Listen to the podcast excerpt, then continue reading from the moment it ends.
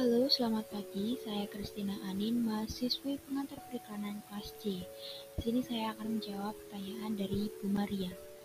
Iklan itu terletak dalam bagian dari promotion mix bersama dengan sales promotion, publicity, dan personal selling. Sedangkan promotion itu sendiri merupakan bagian dari marketing mix bersama dengan produk, price, dan juga place. Jadi, iklan itu terletak dalam bagian dari promotion atau promosi yang merupakan bagian dari marketing mix. Seperti itu jawaban saya. Terima kasih dan selamat.